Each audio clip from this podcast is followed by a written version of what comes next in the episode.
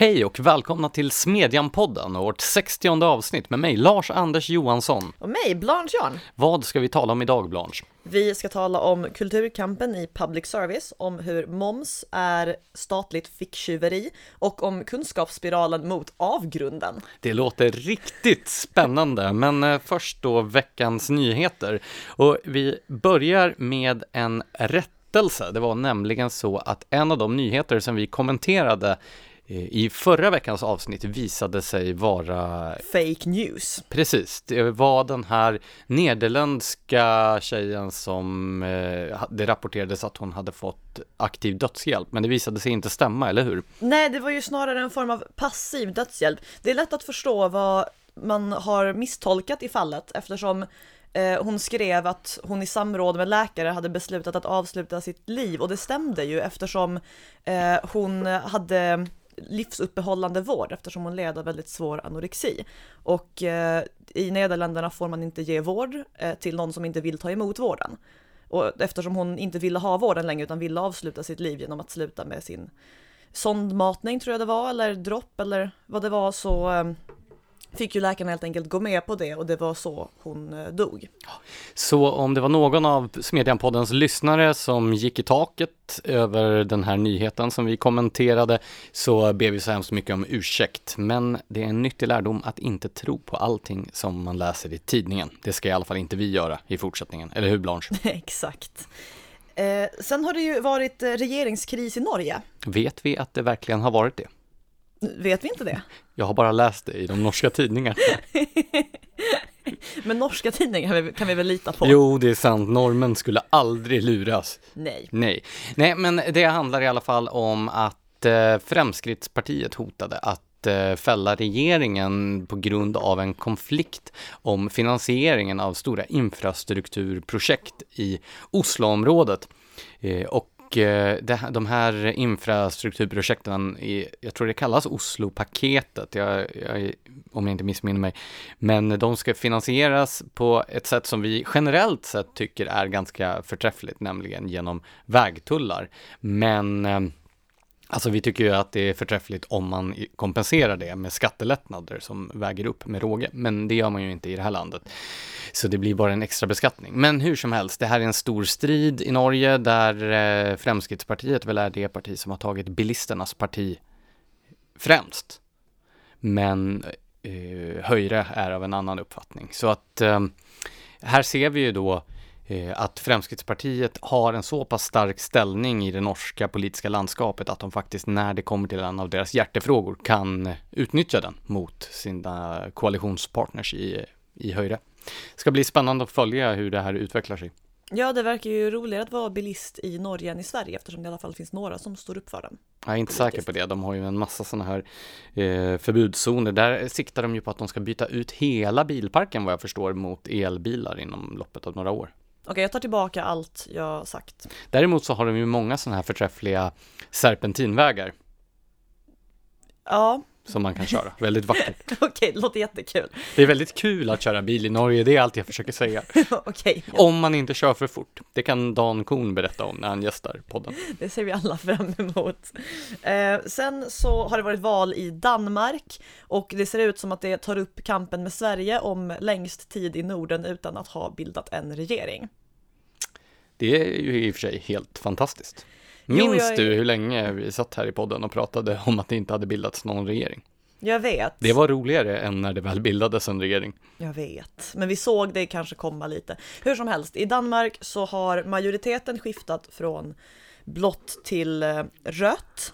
Men som vi vet i Sverige så, eh, eller från Sverige så behöver ju det inte vara dåligt. I Sverige har vi ju en icke-röd majoritet och en röd regering, så den röda majoriteten i Danmark kanske orsakar en blå regering, vem vet? Ja, dessutom så är väl en dansk socialdemokrat strax till höger om en svensk moderat, är det inte så? Jo, det är ju det också. Men eh, något positivt var väl att eh, Dansk Folkeparti backade och sen kom det här nya konservativa partiet in och det här eh, pajasartade populistpartiet Stram kurs. Jättemärkligt partinamn. Det är han, eh, han med gubbkepsen som kastar koraner omkring sig, eller hur? Han Ja, kom precis. inte in i det danska parlamentet. Så att, eh, några positiva nyheter. Dansk Folkeparti krympte, eh, Stram kurs kom inte in, men det kom in ett nytt konservativt parti och eh, Socialdemokraterna är förhoppningsvis inte lika dåliga som de svenska Socialdemokraterna. Jag tror att risken att det är så dåliga är faktiskt rätt låg. Ja, det, man kan ju också vara dålig på olika sätt. Alltså man kan ju vara dålig i bemärkelsen, ja men ungefär på samma sätt som Sauron är dålig. Mm, Och sen kan man vara dålig på det här sättet, ja men du vet, alltså rent inkompetent. Och sen kan man ju vara en, en kombination av de här två. Okej, jag tyckte att det hade varit så tomt med Sagan om ringen-referenser i Smedjan-podden sen Ivar Arpi var här, så det är skönt att du kommer med några Ja, nya. han måste nästan bjudas in igen. Jo, jag tänker det. Så får vi höra mer om Sar- Sauron och Saruman. Vem av dem är inkompetent? Jag skulle väl ändå säga att Sauron är den mer kompetenta. Bra, då landade vi inte i förra avsnittet också i att Sauron var att föredra på något sätt. Va? Ja, jag har för mig att vi pratade om Sauron Det gjorde vi säkert, jag är ett fan. Ja, ehm, sen så har då den franska högsta ligan eh, i fotboll aviserat att den ska byta namn till Liège un Uber Eats. Men gud vad kul med en matätartävling. Det här går jag jättegärna och ser.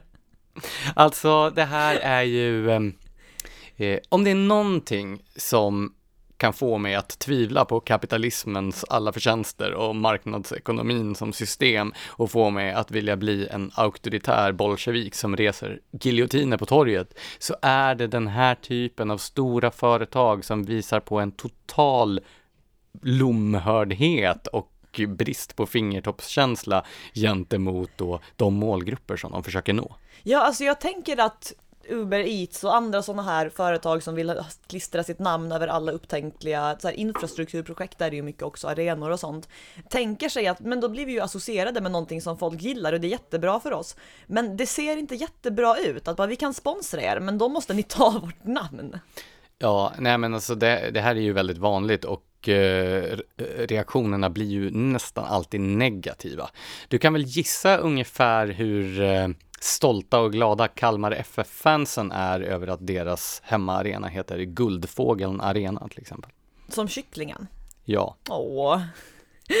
Nej, men det, det är så vansinnigt dumt. Alltså det är naturligtvis fantastiskt att privata företag vill gå in och sponsra idrottslag och eh, ligor och så vidare. Men om de vore intelligenta så skulle de ju försöka känna in vad det är som den här publiken respekterar och uppskattar och anpassa marknadsföring. Det finns ju massor med sätt att marknadsföra ett företag och en produkt utan att gå in och sabba en hel kulturyttring på det här sättet. Ja, och brukar man dessutom, visst blir det oftast ändå så att man inte refererar till det här eh, konsumeristiska namnet med det faktiska namnet, utan heter det Guldfågeln Arena så säger man bara arenan. Ändå. Ja, jag vet inte. I Stockholm så finns det ju två arenor. Alltså dels den som Hammarby och eh, Djurgården spelar på som heter Tele2 Arena och där sägs faktiskt Tele2 Arena. Men det är ju, alltså, det är ju jättefult jämfört med gamla Söderstadion. Det låter ju mycket Bättre. mycket bättre. Och samma då Råsunda stadion som har ersatts av Friends Arena. Där är det dessutom det- roligt ja. för att det var ju Swedbank som köpte namnrättigheterna. Men på grund av de här mutskandalerna som var med Peab och eh, Solna kommun och så vidare, eh, förlåt, Solna stad, eh, så mm, ville inte Swedbank längre förknippas med det, så de skänkte bort sina namnrättigheter till den här antimobbningsorganisationen Friend. Som idag antagligen inte vill förknippas med Swedbank på grund av alla. Nej, precis. Ingen vill förknippas med någon. Sen är, sen är frågan i och för sig om någon överhuvudtaget skulle komma ihåg antimobbningsorganisationen Friends om den inte hade gett namn till den här arenan. Okej, Men eh, jag tror att Uber Eats skjuter sig själva i foten genom det här. ja, jag tycker det borde sponsra en pajätartävling istället. Ja, och sen efter att ha varit på plats och sett PSG spela så misströstar jag ganska mycket över den franska ligan och fotbollskulturen. Det känns som att man verkligen håller på att sänka den där. Jag har inget att tillägga till den kommentaren. Nej, så jag kan prata fritt ur hjärtat. Eller så kan vi gå vidare till eh, nästa ämne. Igår så, eller igår, förra gången vi spelade in podd, eh, så började vi tydligen, utan att veta om den, tradition med bizarra polisanmälningar. Då Precis, det- en gång ingen gång, två gånger är en tradition. Exakt. Då var det ett barn som hade knuffat ett annat barn ner för en rutschkana och I Malmö, nota bene. har blivit polisanmält. Eh, nu är det istället en trut som har Det är alltså en eh, måsfågel. Exakt. Ser ut som en stor fiskmås fast med en en, röd fläck småfåglar också. på, det är ju fan ingen småfågel. Så det är Jag sa stora, måsfåglar? du sa småfåglar. Nej. Men alltså det är, det är stora bestar vi pratar om. Ja, det är odrägliga i alla fall. Jag gillar dem inte. Eh, den snodde en mjukglass från en man i Varberg och Nej. blev polisanmäld. Alltså det där är ju, äh, kan man lagföra djur? Jag tror inte det, men det är i alla fall fint att anmälningsbenägenheten går upp av allt att döma. Mm, både i Malmö och i Varberg. Ja, däremot så läste jag lite mer om trutar i Varberg och alltså det verkar vara ett jätteproblem. Det går Jag säger ju att de är stora. så roligt. Nej men alltså det går till attack mot människor på ett, eh, på ett våldsamt sätt. Eh, och så var det en intervju med en kaféägare. De som- har inte läst Rune Andreassons Bamse-magasin. Kaféägarna. Trutarna, är man stor och stark måste man vara snäll. Det kanske är svaga, jag vet inte. Poängen är att det går till attack och en kaféägare har blivit så arg att han har börjat lägga ut pinnar på borden som folk kan försvara sig med och börjat skjuta dem med vattenbazooka. Nej men gud vad kul. Ja, alltså Varberg låter ju plötsligt jättefestligt. Ja, så eh, om ni inte har sommarplaner, åk till Varberg och skjut vattenbazooka på trutar. Eller får man ens uppmana till sånt där? Nej, Det jag kanske tror- är jag tror vi låter bli Åk det. inte till Varberg och vad ni än gör om ni inte åker dit så skjut inte vattenbazooka på trutarna. Nu kanske ni trodde att det där var den eh, löjliga polisnyheten för veckan, men eh, nej, det var det inte. Polisen i Täby har gjort vad det kallar Jag, århundradets... jag vill inskärpa att det inte var polisen som var löjlig för att man polisanmälde truten. Jo okej, det kan vi ändå ge dem. Men polisen i Täby har faktiskt varit löjlig. Den eh, beslagtog 99 stycken antika svartkrutsgevär, huvudsakligen mynningsladdade, eh, och eh, skröt sen på Facebook om detta genom att kalla det århundradets vapenbeslag. Det påpekade också att de här antika gevären sannolikt är licensfria, men för säkerhets skull så tog de alla ändå. Det här är ett dråpslag mot stråtröveriet i hela Uppland som sannolikt aldrig kommer att återhämta sig från detta. Alltså allt jag tänker på är en scen i min favoritfilmatisering av De tre musketörerna. Den är från 70-talet och den är så vidrigt ostig. Men där finns en scen där en eh, förlorare försöker försvara sig med ett mynningsladdat gevär. Och han misslyckas så kapitalt med det att man hinner gå fram och bara ta geväret ifrån honom och arrestera honom. Och det var det. Det är liksom faran jag tänker mig att mynningsladdade gevär ligger på. Alltså, jag tänker ju att eh, de som mötte de svenska karolinerna under det, under det stora nordiska kriget, för de fastnar nog skrattet i halsen när du håller på och raljerar över sådana här. Jo, men den här 70-talsfilmatiseringen är ju lite mer nära i tiden. Jo, det är ju i och för sig sant, men om polisen inte kan förhindra eh, massskjutningar och eh, bombdåd eh, dag ut och dag in så kan de i alla fall förebygga att den franska revolutionen återupprepas. Precis, och så ska man ju också betraktas som skyldig till motsatsen har undersökts av polisens vapenexperter. Men en god nyhet då, kanske inte för stråtrövarna i Uppland, men eh, för dig som är en stor fan av eh, Svenskt Näringslivs tidigare ordförande och, eh, och gamla Scania-chefen Leif Östling. Ja, Leif Östling blir sommarpratare i P1 och därmed vet vi äntligen vad vi får för pengarna. När kommer han att tala? Jag har ingen aning.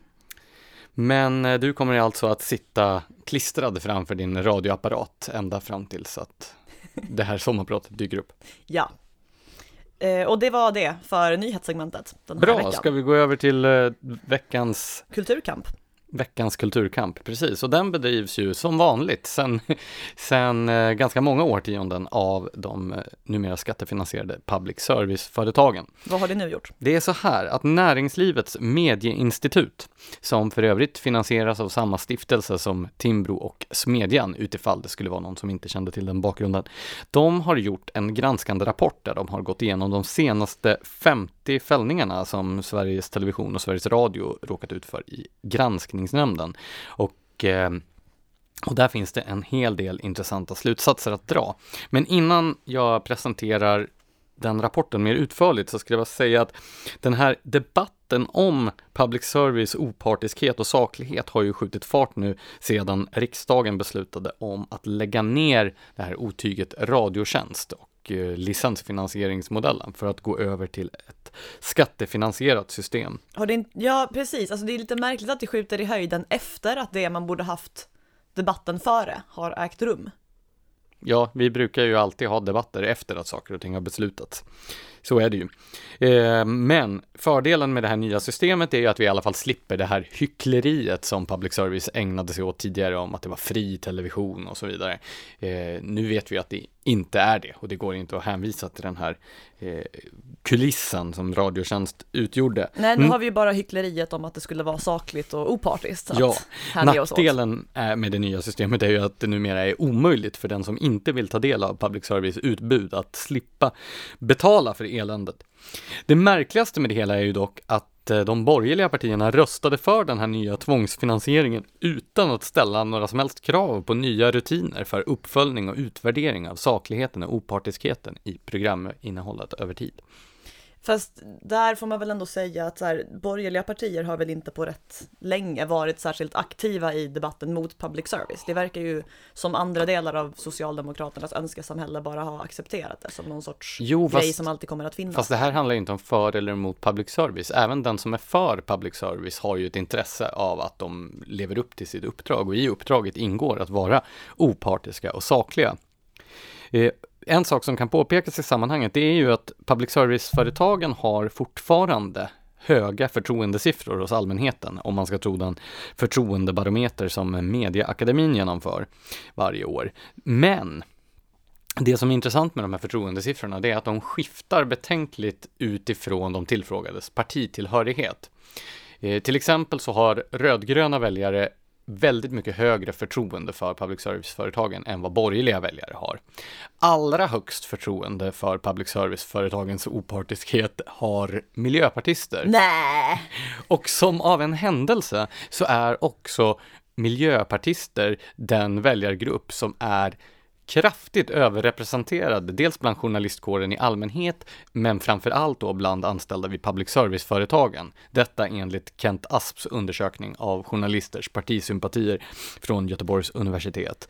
Ehm, den grupp som har allra lägst förtroende för public service eh, är eh, sverigedemokratiska väljare. Och som av en händelse så är sverigedemokrater också den väljargrupp som helt lyser med sin frånvaro bland Nämen. företagens anställda enligt undersökningarna. Så att det finns åtminstone indikationer som pekar mot att eh, mot att eh, det förhåller sig lite si och så med opartiskheten och sakligheten i de här programbolagen. Men hur det verkligen förhåller sig, det kan vi inte veta eftersom det inte finns någon instans som följer upp löpande och utvärderar hur man lever upp till osaklighet, eh, opartiskheten och sakligheten. Eh, när man konfronterar företrädare för public service-företagen och anhängarna av det här systemet så brukar de alltid hänvisa till just granskningsnämnden för radio och tv. Men Granskningsnämnden för radio och tv har inte i sitt uppdrag att följa upp opartiskhet och saklighet över tid, utan Nej, de tittar bara på enskilda fällningar, eller vad säger jag, enskilda publiceringar. Ja, och då måste ju den här publiceringen ha anmälts först. Så att det som inte anmäls av någon granskas, om jag förstår det rätt, överhuvudtaget inte alls. Och även det som granskas sammanställs inte i någon sorts statistik. Så då är det ju bra att NMI har gjort den här sammanställningen åt dem, så det slipper. Ja, precis. För eh, det som NMI visar i sin, alltså NMI är Näringslivets medieinstitut. Eh, det som de visar i sin rapport är ju då att att eh, det finns en slagsida i de fall då, de har granskat de 50 senaste fällningarna. Eh, och där då, i den kategori som eh, som handlar om fällningar för just partiskhet så har alla Eh, nej, vad är det? 12 av 16 fall har eh, en slagsida åt det progressiva hållet. Det som brukar kallas för, ja, Näringslivets medieinstitut använder begreppet eh, gal i den här gal-tan-skalan, men den är ju något missvisande. Men man kan säga det här livsstilsprogressiva, urbana eh, lägret, eller det som David Goodhart kallar för anywheres. Där de sköna typerna finns. Ja, exakt. Medan ingen fällning handlar om ett övertramp åt andra hållet. Nej, sen var det också det där spännande övertrampen som var av oklara skäl i rapporten som jag är lite mer nyfiken på. Ja, men eh, det finns alltså en tydlig tendens i den typ av övertramp som SVT har blivit fällda, eh, SVT och SR har blivit fällda för. När de går över gränsen så är det alltid åt ett och samma håll. Nu är naturligtvis den här undersökningen inte heltäckande. Det som skulle behövas, det är en, eh, en genomgripande utredning av det slag som man faktiskt genomförde i Storbritannien för ett antal år sedan, när det framfördes liknande kritik mot brittiska BBC, som den kritik som ofta framförs mot de svenska public service-företagen. Men medan båda de svenska public service-företagen och deras statliga huvudmän väljer att helt eh, slå dövörat till mot den här kritiken så tillsatte faktiskt den brittiska regeringen en oberoende utredning som 2007 presenterade en slutrapport som heter From Seesaw to Wagon Wheel som finns att ladda ner på nätet. Och den här utredningen konstaterade att det mycket riktigt fanns en slagsida i programinnehållet. Men precis som eh, Näringslivets medieinstitut påpekar så handlar inte slagsidan primärt om eh, den partipolitiska bevakningen och inte primärt om den traditionella höger-vänster-skalan, utan det är den här mer svårfångade eh, kulturella konflikten där det hela tiden blir det progressiva narrativet, det liksom kulturella vänsternarrativet som får dominera i frågeställningar, i vilka personer som bjuds in eh, och i vilka perspektiv som förs fram. Och det här är inte nödvändigtvis bara i, den poli i det politiska och samhällsbevakande programinnehållet, utan kanske framförallt då i kulturprogrammen och nöjesprogrammen och så vidare. Ja, men det är väl det intrycket man får här i Sverige, att även här så är den partipolitiska nyhetsbevakningen helt okej, okay, vilket jag antar är naturligt eftersom den som bevakar partipolitik ju kommer i kontakt med alla partier och kanske får en annan uppfattning om vad den själv står i förhållande till någon sorts mittpunkt i svensk politik på ett sätt man kanske inte får på kultursidor. Nej, precis, och därför så är det viktigt att man är medveten om detta. Jag tror att en hel del av slagsidan inom svensk public service i synnerhet och kanske många nyhetsmedier i allmänhet handlar inte om en medveten strävan om att sprida propaganda, utan att det kan vara att det är så pass homogena miljöer Eh, alltså det, visst, de kanske har mångfald i den här termen som är populär just i, det, i progressiva kretsar, att folk har eh, olika utseenden, men de har samma uppfattningar och gör samma omvärldsanalyser och tänker därför inte på att det är en, en slagsida. Och därför så skulle det behövas den här typen av, eh, av genomlysning och nya rutiner så att, eh, så att granskningsnämnden kompletteras med någon instans som faktiskt följer upp sakligheten och opartiskheten. För om vi nu ska tvingas finansiera det här systemet via skattsedeln, då är det ju helt orimligt att det bara är en liten skön progressiv grupp som kan använda det här som någon slags, eller så här, jag tycker inte att någon annan ska använda det som en propagandakanal heller, men det blir väldigt problematiskt om en grupp använder den på det sättet. Jo, nej men det, det stämmer ju. Och alltså, nu, ja förlåt.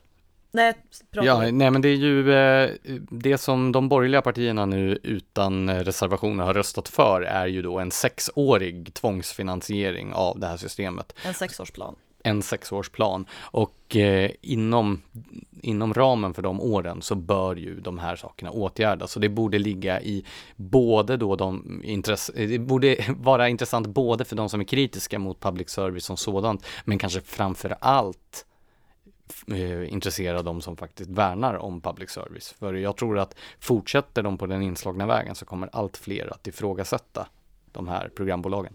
Ja, alltså egentligen är det ju en sån skam för public service att sådana här granskningar kommer utifrån och att de inte gör det själva. Det är ju som att de inte har koll på sin egen produktion. Det är ju som det ser ut. Samtidigt funderar jag på om det inte på något vis gynnar dem att en granskning som egentligen är neutral, som helt enkelt sammanställer vad granskningsnämnden gör, ser ut att komma utifrån så att det lättare kan avfärda det som en sorts påhopp och fortfarande låtsas som att det inte är någon relevant kritik alls, vilket det antagligen kommer göra.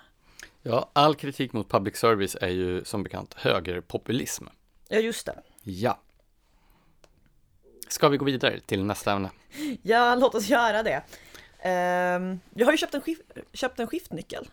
Ja, det såg man inte komma. Va? Vadå då? Nej men jag, jag vill vara tydlig med att jag hade en skiftnyckel även innan men eh, jag, jag fann mig i ett akut behov av en skiftnyckel när jag inte var i samma stad som min gamla. Du har alltså skrivit en artikel i Smedjan om att du har köpt en skiftnyckel. ja, jag tänkte att det skulle bli lite mer så här livsstilsblogg av Smedjan. Och vad är, vad är relevansen med detta då? Jo, när det här behovet uppstod så var den närmaste eh, vad kallar man det, verktygsaffären. Eh, Järnaffär är väl det vanliga benämningen på en sån affär som säljer verktyg? Jag gillar hur det låter, vi använder järnaffär. Eh, eller så här, den närmaste affären där man kunde få tag på verktyg var en järnaffär och inte en så här vanlig Biltema för glada hemmafixare liksom. Eller Clas Olsson, vi är inte sponsrade av Biltema. Nej, precis, utan av Clas Olsson. Eller Jula eller Rusta eller...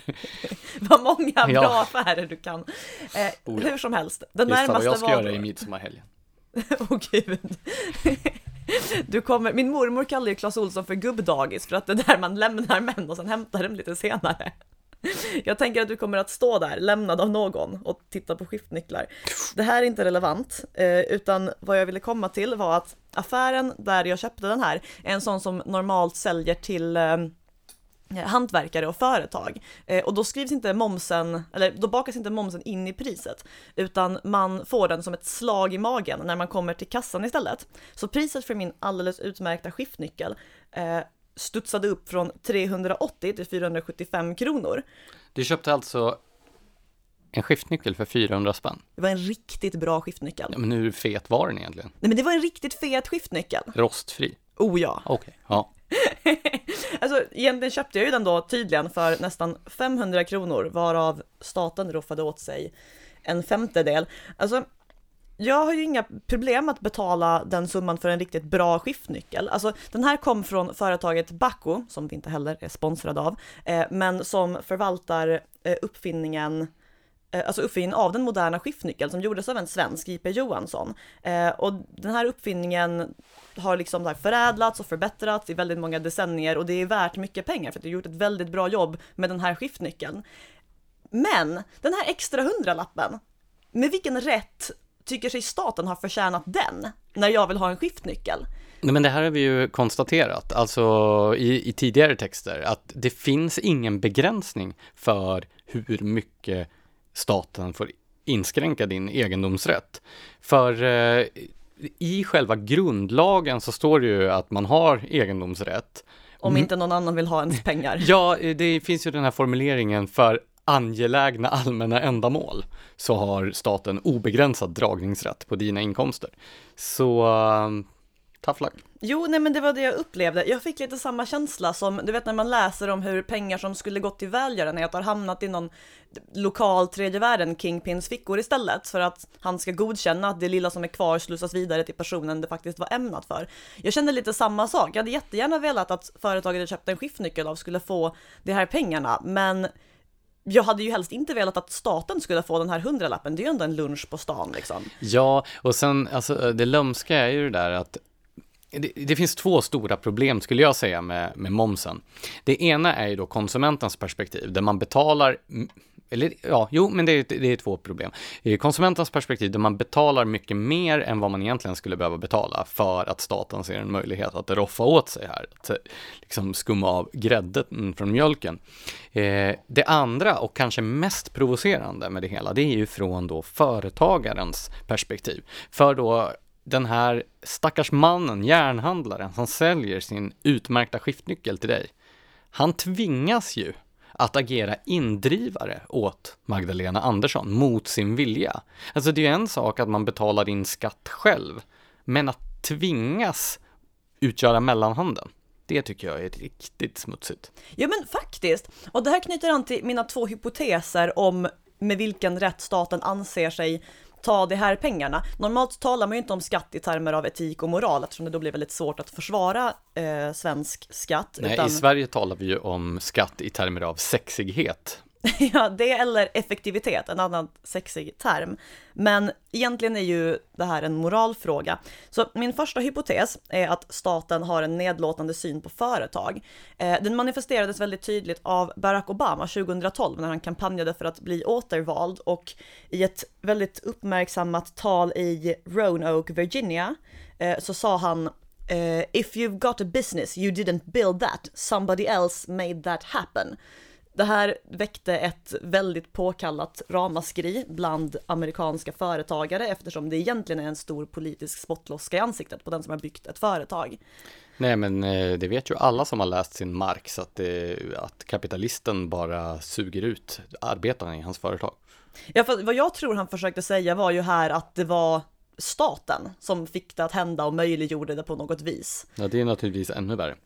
Ja, alltså det här är samma självgodhet från statligt håll som lyser igenom när det du vet det svenska musikundret. Det förklaras ju ibland med att eh, staten har gjort så många bra satsningar på musikskolan som det inte var liksom svenska individers talang som ligger ja, bakom. Det är ju den kommunala musikskolan, men ja. Okej, okay, ja, den offent de offentliga det där, satsningarna. Det där är faktiskt väldigt intressant. Jag har ju ägnat en försvarlig mängd år åt att vara ute och debattera just kulturpolitiska frågor och jag stöter hela tiden på just det här argumentet att det svenska musikundret skulle förklaras genom den kommunala musikskolan. Men jag har hittills aldrig sett någon framföra något belägg, alltså åt varken det ena eller det andra hållet. Jag har inte sett några siffror eller någon undersökning eller så som visar på att den kommunala musikskolan skulle ha spelat roll för detta. Nej, och det är nedlåtande mot alla de framgångsrika svenska musiker som har byggt sin karriär. Men det här speglar en vanlig föreställning bland mitten och vänsterpolitiker att företag inte lyckas trots alla skatter och regleringar och byråkrati som staten dumpar på dem, utan tack vare det här trivsamma företagsklimatet som staten skapar. Och Visst, politiker kan ha en väldigt positiv effekt på samhällsklimatet genom att lämna företagen i fred. Alltså, Sverige anses ju ha ett relativt eh, bra företagsklimat. Vi brukar hamna rätt högt upp på listor över så bra länder att göra affärer i och sånt. Men det är inte ett gott betyg för Sverige, det är ett gigantiskt underbetyg för andra länder. Eh, Alltså ett företagsklimat där företag inte aktivt hålls tillbaka av byråkrati och korruption och skyhöga skatter. Det är någonting man ska kräva, någonting man ska kunna kräva, inte något man ska vara så himla tacksam över att man får, att man betalar 25% av sina redan inkomstbeskattade pengar till Magdalena Andersson för varje pryl man köper. Men du hade också en annan hypotes. Ja, um, det andra är att staten snarare än att se ner på företag istället ser ner på konsumenter. Eh, alltså hela den svenska välfärdsstaten bygger ju egentligen idag på uppfattningen att medborgarna inte kan förväntas spendera våra pengar på ett ansvarsfullt sätt. Så det är bättre om någon som vet bättre än vad vi gör kliver in och spenderar dem åt oss. Eh, och den första invändningen mot det är förstås allt dumt som staten spenderar pengar på. Alltså om jag behöver en skiftnyckel så behöver jag en skiftnyckel, inte grannens dagisavgift eller en subventionerad elcykel till någon rik innerstadsperson. Eller konst för daggmaskar och skalbaggar. Ja, eller konst för daggmaskar och skalbaggar, vilket till exempel exemplifieras av faktum att jag inte är en daggmask eller en skalbagge. Sen finns det flera saker som staten spenderar pengar på som är nyttiga. Alltså det är ju bra att ha en, en sjukförsäkring eller en pensions, ett pensionssparande eller vård eller sådana saker. Eh, men det här är någonting som vuxna människor, vad Socialdemokraterna än tror, fattar själva och skulle välja att lägga sina pengar på om det hade, alltså om det fick möjlighet, om de fick behålla de här pengarna och lägga dem på detta själva. Ehm, men alltså både det som tviv, det som tviv är inte riktigt är bra för oss skulle vi förmodligen inte vilja spendera så himla mycket pengar på. Och den som skulle vilja göra det förstås i sin rätt att göra det frivilligt och så vidare. Men det som är bra för oss skulle vi kunna lägga pengar på själva. Det är liksom inte ett ansvar staten behöver kliva in och ta. Och när man sen tittar på vad som egentligen levereras för all den här skatten man betalar så undrar, börjar man undra varför staten egentligen kommer undan med så höga skatter som vi har i Sverige eh, i utbyte mot så bristfällig samhällsservice. Och svaret på hur detta går till hittade jag i en rapport från Svenskt Näringsliv. Eh, det har undersökt eh, vad folk tror att det betalar i skatt Och det visade sig att 94% av svenska skattebetalare tror de betalar lägre skatt än de gör.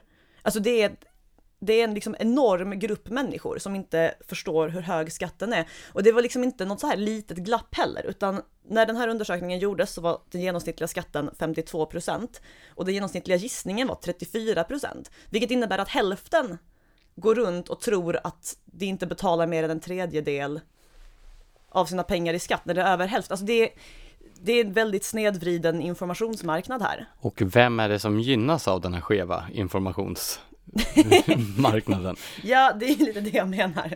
Ja, nej men här kommer jag ju att tänka på den liberala debattören Johan Norberg, som en gång i världen jobbade på Smedjan. Vilken kreddig grej att ha på sitt CV. Eller hur? Men Johan Norberg har ju framfört förslaget att eh, all skatt borde betalas in i klump dagen före varje riksdagsval.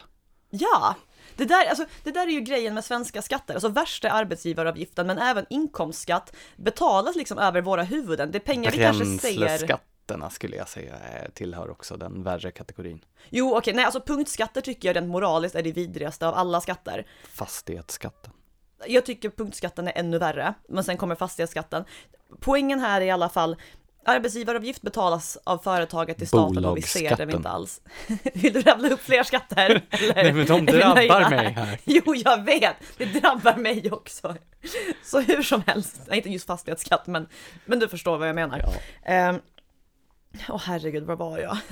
Fortsätt Nej, rada upp skatter Vi talade jag... om eh, Johan Norbergs förslag om att man ska betala in all skatt då för fyra år, eh, dagen före varje riksdagsval. För då skulle medborgarna verkligen känna in på kroppen hur mycket de betalar in och kanske då få en lite nyktrare syn på vad man kan kräva i utbyte, rimligtvis. Ja, och också var någonstans skattenivån ska ligga. Ja, alltså inkomstskatten ser man ju som en siffra på sitt lönebesked, men det är aldrig pengar man faktiskt haft på sitt konto och har någon sorts realistisk uppfattning av att det här hade kunnat vara mina pengar, eller det borde vara mina pengar. Arbetsgivaravgiften ser man inte ens skymten av eftersom staten låtsas att det är företagen som inte... Återigen så tvingas företagarna vara då indrivare åt staten. Ja, det också. Det är eh, det mest omoraliska i allt sammans. Och momsen funkar lite på samma sätt, förutom att det är företag som tvingas agera indrivare. Men det finns ju faktiskt företag som gör små gerillainsatser i de här sammanhangen och då menar jag inte kreativ skatteplanering och så vidare, utan snarare konsumentupplysning. Jag nåddes häromveckan av det mycket sorgliga beskedet att Stockholms mesta och bästa cowboyhak, nämligen Saddle Saber Steakhouse på Tegnérgatan kommer att stänga ner. Mm, jag vet, det där är jättesynd. Men hur som helst, de gjorde ju en väldigt pedagogisk insats genom att markera momssatsen och, och summan på kvittot med det lilla budskapet Staten tar! utropstecken. Exakt, och vad fan får vi för pengarna? Det kommer Leif Östling att svara på i sitt sommarprat.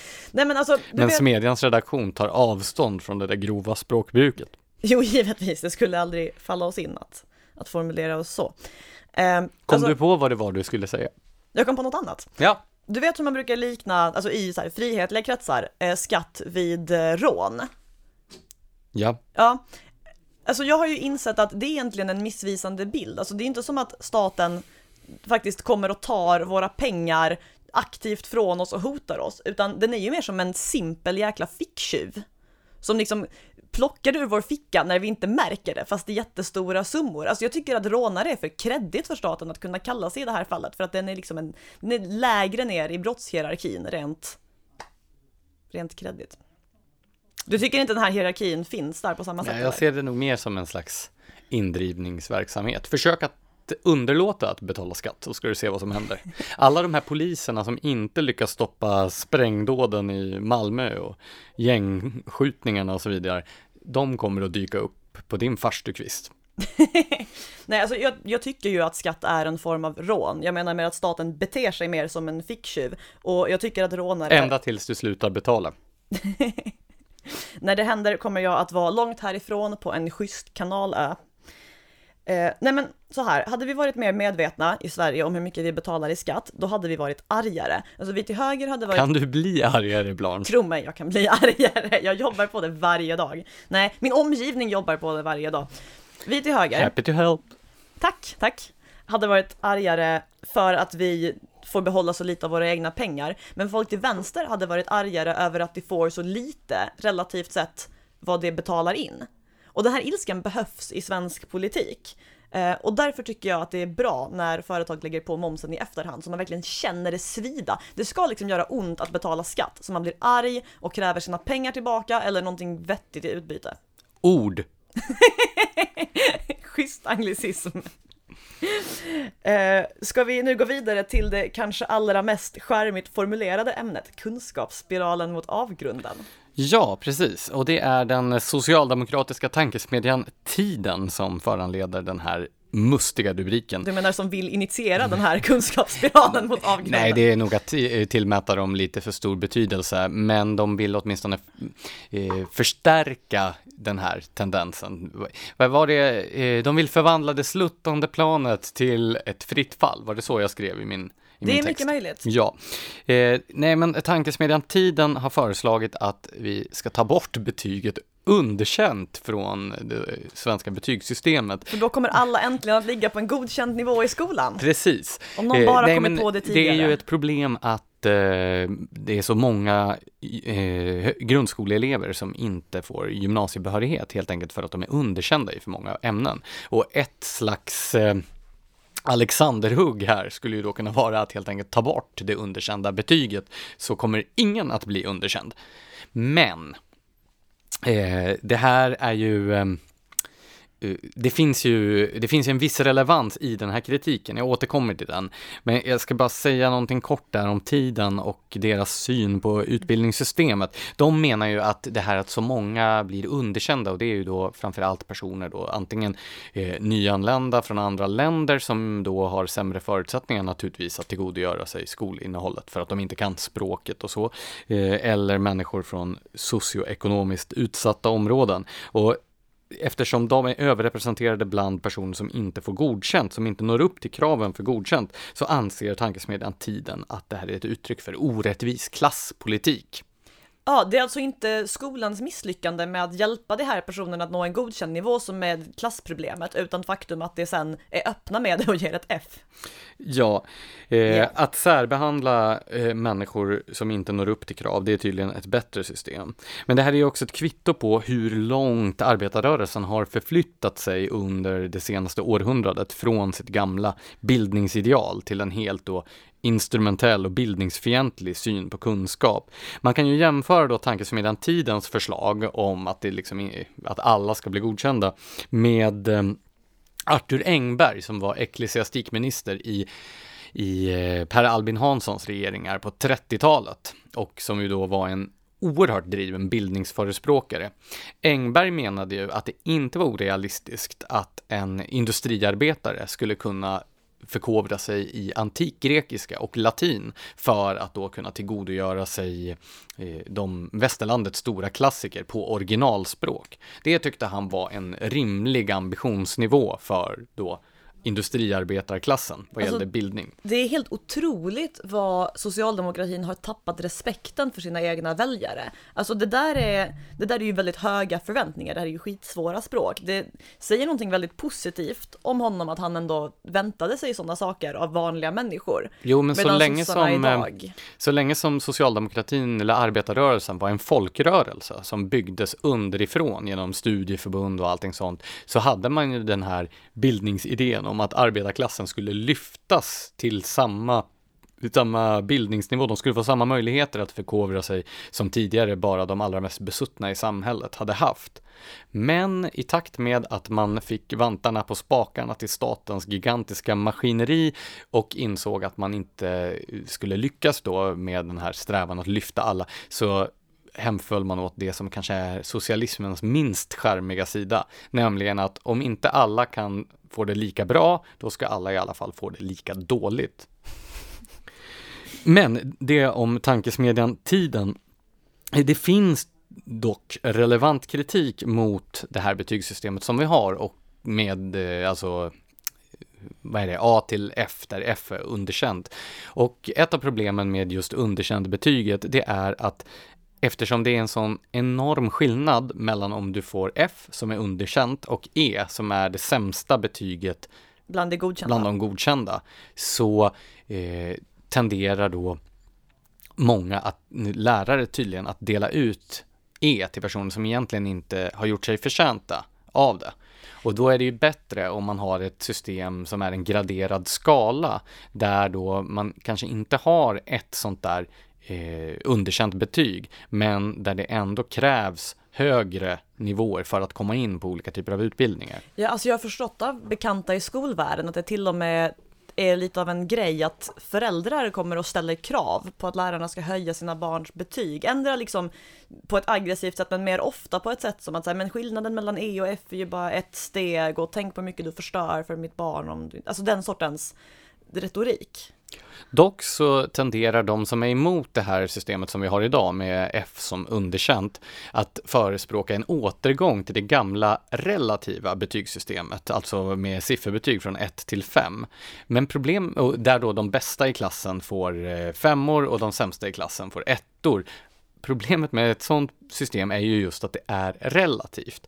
Idag så syftar ju de olika betygsnivåerna på att man ska nå objektiva kunskapsmål. Vilket är en väldigt sund utgångspunkt. Men i det relativa systemet, då blir det ju så att om du går, om du har otur att gå i en väldigt begåvad och ambitiös klass, så blir det väldigt mycket svårare att få det högsta betyget eftersom du betygsätts relativt dina klasskamrater. Medan då om du har turen att hamna på en skola med svagbegåvade eller eller helt enkelt lata klasskamrater så är det mycket lättare att få det högre betyget. Och jag antar väl att det kanske är det som tankesmedjan Tiden tycker är rättvis klasspolitik, det vill säga att det ska vara mycket lättare i vissa skolor att få höga betyg än i andra. Ja, det är väl ofta mer socioekonomiskt utsatta områden där betygen generellt sett ligger lite lägre. Det kanske också är tänkt att skapa någon sorts utjämning för att folk då ska vilja sätta sina barn i de sämre skolorna i hopp om att de ska få bättre betyg. Ja, nej men det är ju naturligtvis helt orimligt att det ska vara olika krav i olika skolor. Sen så till saken hör ju att det finns ett problem problem med betygsinflation i dagens system,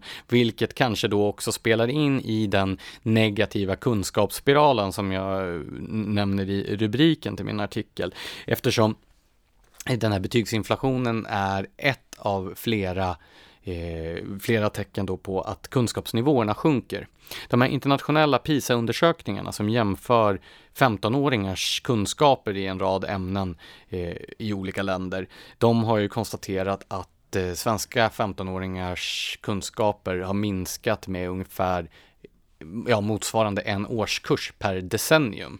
Vilket då innebär att den som börjar gymnasiet idag har kunskaper i paritet med den som började motsvarigheten till högstadiet för 30-40 år sedan. Ja, och där tycker jag man kan märka en sån skillnad mellan Sverige och USA. Alltså jag kommer ihåg att när jag började ta del av populärkultur från USA eh, och det liksom var någon sorts element av skolgång i den här populärkulturen, så tyckte jag det var helt så här bizarra mattegrejer det ägnades sig åt till exempel på samma skolnivå där jag själv gick och typ lärde mig multiplikationstabellen typ.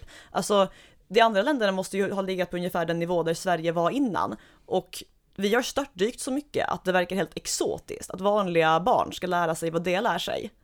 Ja, men alltså ambitionsnivån sänks hela tiden på alla nivåer. Och en anledning till det, det är ju att systemet hela tiden anpassas neråt. Det vill säga, universiteten tvingas sänka Eh, både antagningskraven och nivån på utbildningarnas innehåll i och med att de studenter som kommer till universiteten har lägre förkunskaper. Eh, på motsvarande sätt så tvingas gymnasiet att sänka eh, kunskapskraven vid antagning och nivån på utbildningens innehåll för att de elever som kommer från grundskolan har mindre kunskaper med sig. Och de som kommer till högstadiet eftersom då, ja, de har lägre kunskaper när de, när de kommer från mellanstadiet, hela vägen ner. Ja, hur ska gymnasiet liksom kunna neka någon som har godkända betyg eh, från högstadiet inträde när det ju ligger på en liksom, officiellt godkänd nivå oavsett var deras kunskaper befinner sig. Precis. Och i grundskolan så får man ju inte längre, eller får inte, man liksom riskerar inte längre att behöva gå om en klass man inte klarat av, utan man slussas ju ändå vidare i systemet alldeles oberoende av vad man egentligen kan. Men då har jag ju ett väldigt radikalt förslag här på hur man skulle kunna vända den här nedåtgående utvecklingen. Berätta mer. Mitt förslag går ut på att istället för att låta det föregående stadiet sätta ribban och nivån så ska man göra ett system där anpassningen hela tiden sker uppåt och där man då befriar de nedanförvarande stadierna i utbildningssystemet från ansvaret till, för antagningen till nästa. Det vill säga om vi börjar uppifrån då, så ska universiteten sätta sina egna kriterier för vad man ska kunna när man ska påbörja olika utbildningar på universitets och högskolenivå och utforma antagningsprov som ska vara det enda sättet att komma in på de här utbildningarna. Eh, det ska alltså inte vara betygen som avgör om du kommer in, alltså gymnasiebetygen som avgör om du kommer in på en högskole eller universitetsutbildning. Utan en form av skräddarsytt högskoleprov snarast? Ja, för det är några som vet vad som behövs på en specifik universitetsutbildning så är det ju de som ger den utbildningen. Så universiteten ges hela makten över vilka krav som ska finnas och eh, hur antagningsproven ska utformas. Då blir gymnasiets uppgift att förbereda eleverna för antagningen till högre utbildning. De, eh, naturligtvis ska man ju ha kvar betygen även, men då får de mera en slags diagnostisk funktion, att man kan testa hur man ligger till. Det här gör ju också att Eh, maktrelationen mellan elev och lärare förändras. Eleven blir inte beroende av sin lärare på samma sätt, inte för sin antagning och fortsatta karriär. Och lärarens roll förändras då till den som kan hjälpa eleven att nå de målen. Dessutom, ja förlåt. Nej men jag tänker bara så här, vi har väl alla någon gång sett det hända liksom att en lärare har bestämt sig för att en viss elev ändra är bra för att den gjorde ett bra en bra inlämningsuppgift i början på terminen eller bestämmer sig för att en elev inte är bra. Precis. Och sånt där skulle man ju kunna avhjälpa med ett sånt system eftersom det betyget läraren sätter inte avgör den här elevens framtid på samma sätt. Nej, och fjäsk och inställsamhet och alla de där typerna, eller då personliga antipatier, inget sånt skulle längre spela roll för möjligheterna att komma vidare. Så massor med problem skulle försvinna, eh, man, eh, lärarna skulle slippa en hel del byråkrati och krångel dessutom och kunna fokusera just på att lära ut kunskaper. Dessutom så skulle en mycket större del av eget ansvar landa på Eh, de enskilda eleverna. I och med att då då blir gymnasieskolan en service, som en tjänst som tillhandahålls, som ger eleven möjlighet att inhämta de kunskaper som den behöver för att ta nästa steg i sin utbildning eller karriär. Det blir inte bara en slags förvaring eller en transportsträcka, utan eh, en elev som känner att den inte får ut någonting av skolan kan inhämta kunskaperna på annat håll. Det blir också en slags demokratisering eller utjämning där. Ja, alltså vad jag gillar mest med ditt förslag, förutom radikaliteten i allmänhet, är ju just att det skiftar fokus från skolplikt till läroplikt. Alltså skolplikten är ju väldigt problematisk eftersom den sätter fokus på att du ska sitta i skolan och om du sen viker pappersflygplan eller räknar matte är inte supernoga. Men om man har en läroplikt, då handlar det just om att se till att lära sig saker alldeles oavsett hur man gör det. Och som den svenska skolan är utformad idag så funkar den mest bara för ja, men en viss typ av människor som inte låter sig störas av särskilt mycket stök och bråk och klarar av att arbeta väldigt självständigt. Ja, och dessutom så är det ju så att den som antas till ett universitet eller en högskoleutbildning bör ju vara den som har kunskaperna som krävs, inte den som har suttit av tre år på en statlig eller kommunal skola av något slag. Ja, alltså någonting som också stör mig väldigt mycket med hur det svenska betygssystemet är utformat, det är att vi har ju ett antal praktiska ämnen där man får betyg som sen verkligen avgör ens framtid. Alltså om man bara räknar betyg vid antagningen, då kommer läkarlinjen att prioritera en person som har MVG i idrott och bild men G i biologi högre än den som har MVG i biologi men G i idrott och bild. Och alltså, jag struntar verkligen i hur bra min läkare är på att måla. Jag är ju intresserad av dess biologikunskaper. Ja, det här skulle bli ett mycket både relevantare och rättvisare system. Och på motsvarande sätt så borde man ju låta då gymnasieskolan grundskolan besluta över antagningen till gymnasiet och sätt, sätta eh, kriterierna för det så att det motsvarar den nivå som man vill att eleverna ska ha och sen också utforma antagningsprov. Och då blir det ju grundskolans uppgift att förbereda eleverna på samma sätt som eh, betygen i gymnasiet är en indikation på hur stora chanser man har att klara antagningen till universitet och högskolor så kommer då betygen i grundskolan att bli indikationer på hur man ligger till inför den här antagningen till gymnasiet. Men det ska inte vara lärarna på högstadiet som avgör elevernas framtid, utan de ger möjligheten att klara de här antagningsproven som gymnasieskolan då sätter upp. Ja, och det här väcker ju också den här frågan som dyker upp ibland om vissa praktiska ämnens eh, existens på schemat. Alltså, jag tänker på till exempel så här, hemkunskap, musik, bild och idrott. Det fyller ju alla mer eller mindre viktiga funktioner. Så här, hemkunskapen är väldigt bra för att förbereda människor för, för livet och idrott är bra för att få folk att röra på sig eller få oss att aldrig mer röra på oss eftersom vi verkligen hatar spökboll. Eh, musik och bild kan man också ha mycket nytta av. Eh, samtidigt så är det inte relevanta kunskaper för den framtida utbildningen. Och jag är lite kluven till det här, för egentligen tycker jag ju att det ska vara föräldrarnas uppgift och inte skolans att lära barnen funka i samhället. När föräldrarna inte alltid gör det, då kan det på ett sätt vara bra om skolan kliver in och gör det, men på ett annat sätt undrar jag om faktum att skolan erbjuder hemkunskap och idrott och allt sånt här blir ett sätt för föräldrar att avsäga sig ansvar för det lite, för att man väntar sig att skolan ändå gör det åt dem liksom. Alltså jag tror att det här systemet som jag förespråkar, det vill säga en anpassning upp uppåt istället för neråt. Och det är den som då inte klarar ett antagningsprov till nästa nivå antingen får gå om ett eller två år på den tidigare nivån eller då försöka inhämta kunskaperna på andra sätt, alltså i andra utbildningsformer eller på egen hand. Eh, jag tror att ett sådant system också skulle innebära en uppvärdering av kunskap som sådan. För då skulle man ju, i och med att man slapp ha betygen som incitament för att klara av studierna, utan istället ha då som mål att man ska kunna klara antagningen till nästa nivå som ligger utanför de nuvarande lärarnas kontroll. Då skulle det innebära att den här ständiga irriterande frågan som alla lärare hatar, nämligen kommer det här på provet? Den skulle ju bli helt irrelevant eftersom eleverna då skulle ha incitament att faktiskt lära sig de kunskaper som lärs ut eftersom det då blir relevant i nästa skede. Så då är frågan om vi snart ser det här eh, kopierat i ett eh, förslag från tankesmedjan Tiden eller om man istället får höra det klassiska. Men tänk på all press det sätter på de stackars barnen som i så fall måste lära sig saker istället för att bara sitta där. Ja, nej men eftersom mitt förslag handlar om då eh, högre krav och ökat individuellt ansvar så är ju det säkert ett utslag för, av eh, orättvis klasspolitik. Schysst, ja med det orden. Ja, eller hur. Eh, ska vi gå vidare då till veckans lyssnarfrågor? Jag tycker det. Eh, ja, och det här är ju faktiskt en fråga för en gångs skull och inte en lyssnarkommentar. Exakt. Det är, eh, är det ett mail eller? Det är ett mail som jag fick från Carl Wilhelm Gard Montan. Ja, han skriver så här. Hej, vad ska man kalla sig nu? En gång i tiden var det liberal, sen nyliberal och senare libertarian. Varför är, varför är det inte liberalt att vara för en liten stat? Varför är nyliberal konservativ?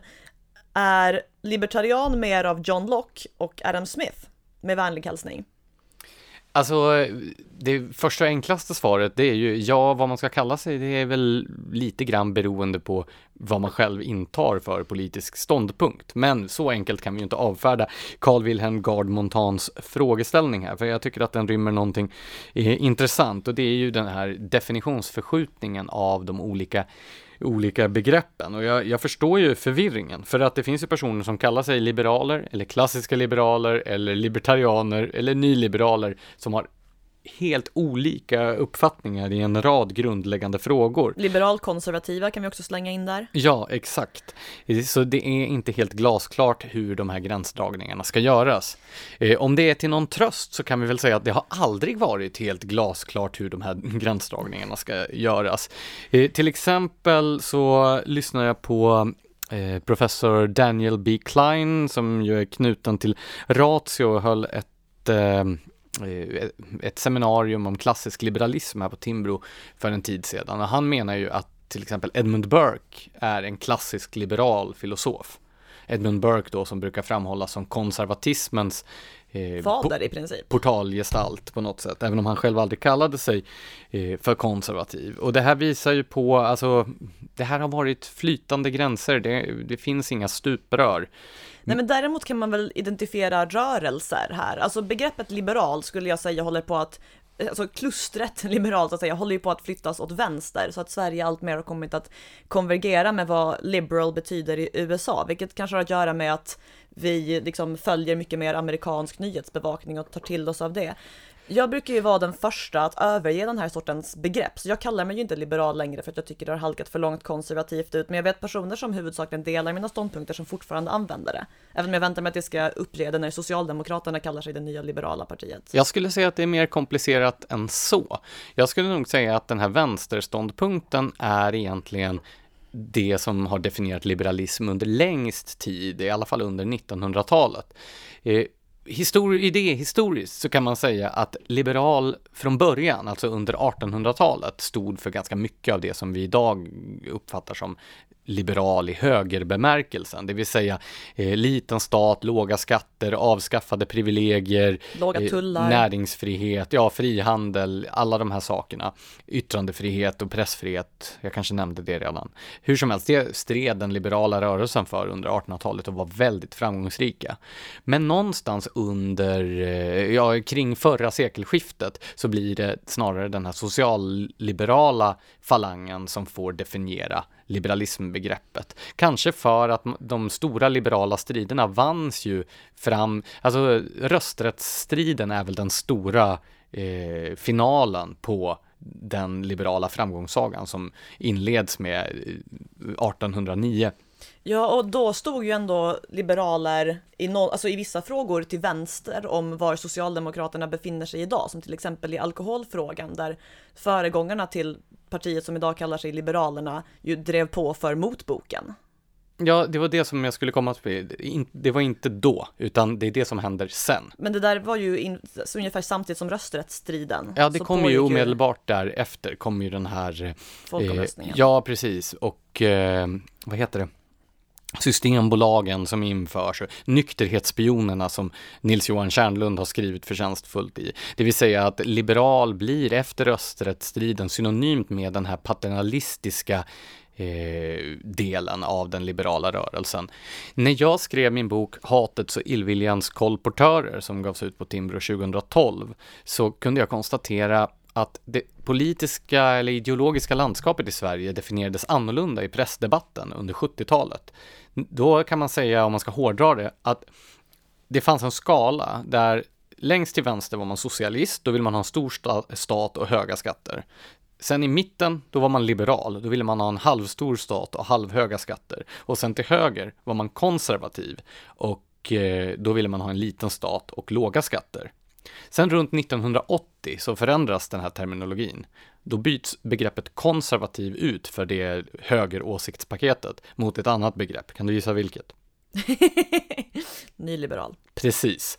Så det, det, som man ser i debatten då, det är att framförallt från vänsterhåll så slutar man att beteckna högerpositionen i politiken, alltså den som vill ha en liten stat och låga skatter, som konservativ och börjar beteckna den som nyliberal istället. Och det här är väl då ett slags eh, återgång, nyliberalismens eh, blomstring där från 80-talet och framåt, är en slags återgång till det som kallas för klassisk liberalism idag, det vill säga den mer renodlade 1800-talsliberalismen med en liten stat, låga skatter, frihandel, yttrandefrihet och alla de sakerna.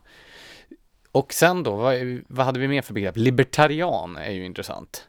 Ja. För det dyker ju upp någonstans, tror jag, i svensk debatt under 90-talet för att beteckna då de som är, är mest radikala i det här nyliberala lägret. De som går allra längst i sin strävan efter den minimala staten eller kanske till och med ingen stat alls då om man lyssnar till en libertarian som Murray Rothbard nice. som menar att den verkliga fienden, det är ju då de, liberta äh, de libertarianer som förespråkar en liten stat. Splittringen var bra och nödvändig. Ja, det finns kanske ett drag av, av sekterism där. Eh, men libertarianismen är väl egentligen en ganska det är en avgränsad åskådning så tillvida att den utgår ifrån den här icke-aggressionsprincipen. Ja, jag skulle väl också säga att det, man liksom blir lite missvisande om man kallar sig libertarian och vill ha mer än en nattväktarstat. Utan där någonstans går väl ändå en hyfsad gräns för vad libertarianism är. Eh, Åt vilket håll går den gränsen menar du? Ja, alltså mot socialismen. Så Ja. man, man kan vara okej med att staten sköter polis, rättsväsende och försvar, men that's it. Inte Rothbard. Nej men, I alla fall, eh, jag tänkte bara någonting om det här begreppsförvirringen då med den anglosaxiska användningen av det, där mycket av det som vi betecknar som klassisk liberalism eller nyliberalism i Sverige då, det förvaltas ju av de som beskrivs som conservatives i eh, USA och Storbritannien. Vilket ju blir väldigt förvirrande med vår typ av terminologi. Men om jag har förstått saken rätt så är det någonstans under 70-talet när då den amerikanska högern börjar att använda liberal som ett nedsättande begrepp för att beteckna allting som är vänster. Så tidigare så har liberal även i USA haft mer den uppfattning som då klassiska liberaler har. Men att det har blivit tydligare och tydligare att det är demokraterna som är liberal, så att liberal är vänster.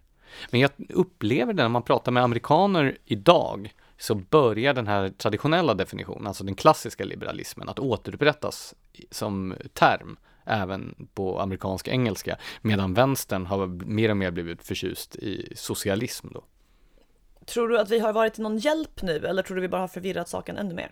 Jag hoppas att vi har förvirrat saken ännu mer. Jag med. Men de här olika åsiktsinriktningarna överlappar ju varandra och flyter ihop och människor definierar begreppen något olika också. Men jag uppfattar väl det som att vi har fått en, det är fler och fler som kallar sig för klassiska liberaler och som ifrågasätter då socialliberalernas monopolisering av begreppet liberal. Samtidigt då som man också upplever att många liberalkonservativa och libertarianer känner sig lite obekväma med begreppet liberal eftersom det förknippas just med de här socialliberala personerna som vill att, man ska, att kommunernas nykterhetsnämnder ska avlöna grannar för att spionera på folk för och se om de dricker för mycket brännvin. Ja, så har det ju fått ännu en dimension när Folkpartiet har bytt namn till Liberalerna dessutom och den som kallar sig liberal riskerar att tolkas som folkpartist.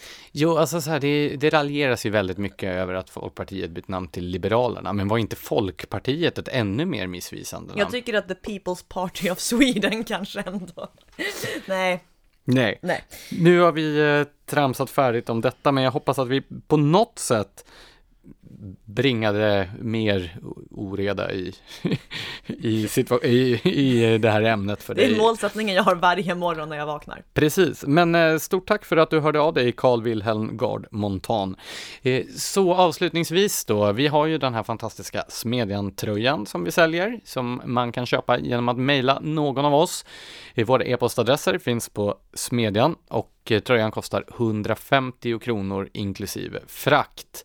Sen så kan man också prenumerera på Smedjans artiklar genom att på vår sajt skriva upp sin e-postadress så får man våra artiklar rakt in i sin inkorg. Och när man ändå är inne på sajten har vi ju en uppsjö av intressanta artiklar man kan läsa där också.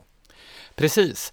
Och eh, glöm inte att eh, rösta på den här podden på alla tillgängliga poddlyssningssajter så att den stiger i människors flöden. Och var positiva.